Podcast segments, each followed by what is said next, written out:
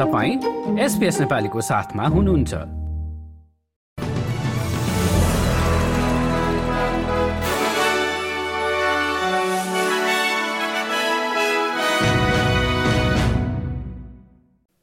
नमस्कार।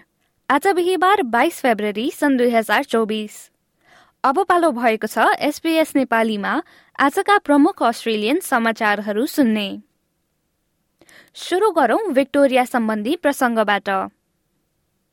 विक्टोरियामा डढेलो र आधीले सम्पत्तिहरू ध्वस्त पारेको र पाँच लाख घर तथा व्यवसायहरूलाई बिजुलीविहीन बनाएको एक हप्तापछि अझै खतरनाक मौसमी अवस्थाको लागि आपतकालीन सेवाहरू तयारी अवस्थामा बसेका छन्। राज्यका केही भागहरूमा तापक्रम चालिस डिग्री भन्दा पनि माथि पुग्ने अनुमान गरिएको छ भने आज बिहिबार अस्सी किलोमिटर प्रति घण्टाको आधीको साथ सुक्खा चट्याङ परेको छ। एक नयाँ शैक्षिक कार्यक्रमले प्राविधिक जनशक्तिलाई बढावा दिने जनाइएको छ। भर्चुअल वर्क एक्सपिरियन्सले चौधदेखि पच्चिस वर्ष उमेरसम्मका मानिसहरूलाई अनलाइन मोड्युलहरू मार्फत उनीहरूको डिजिटल सिपहरू बढाउन सहयोग गर्नेछ। डिजिटल क्षेत्रको पहुँचमा सुधार गर्ने लक्ष्य राखेको कार्यक्रम प्रदान गर्न संघीय सरकारले tech council of Australia Commonwealth bank र राष्ट्र ब्रडब्यान्ड नेटवर्कसँग साझेदारी गरेको हो। ब्राड बन्डुचीले अचानक राजीनामाको घोषणा गरेपछि वुलवर्थले सेप्टेम्बरमा नयाँ सिइओको घोषणा गर्ने अपेक्षा गरिएको छ। नौ वर्षसम्म व्यवसायको नेतृत्व गरेपछि बन्डुची सेवानिवृत्त हुँदैछन्।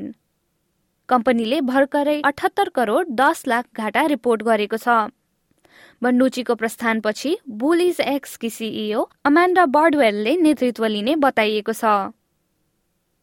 न्यू साउथ वेल्समा थप सातवटा साइटहरू एस्बेस्टोसले दूषित भएको पहिचान गरिएको छ जसमा एक बाल अस्पताल र फायर स्टेशन समावेश छन्।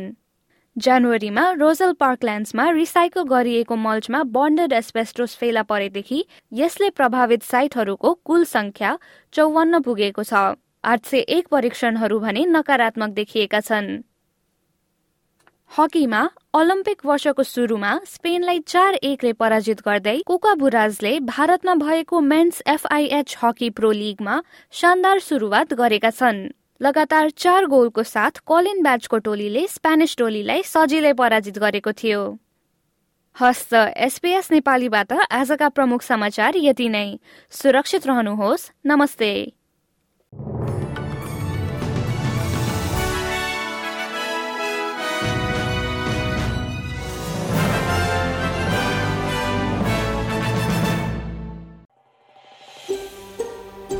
यो जस्तै अन्य प्रस्तुति सुन्न चाहनुहुन्छ?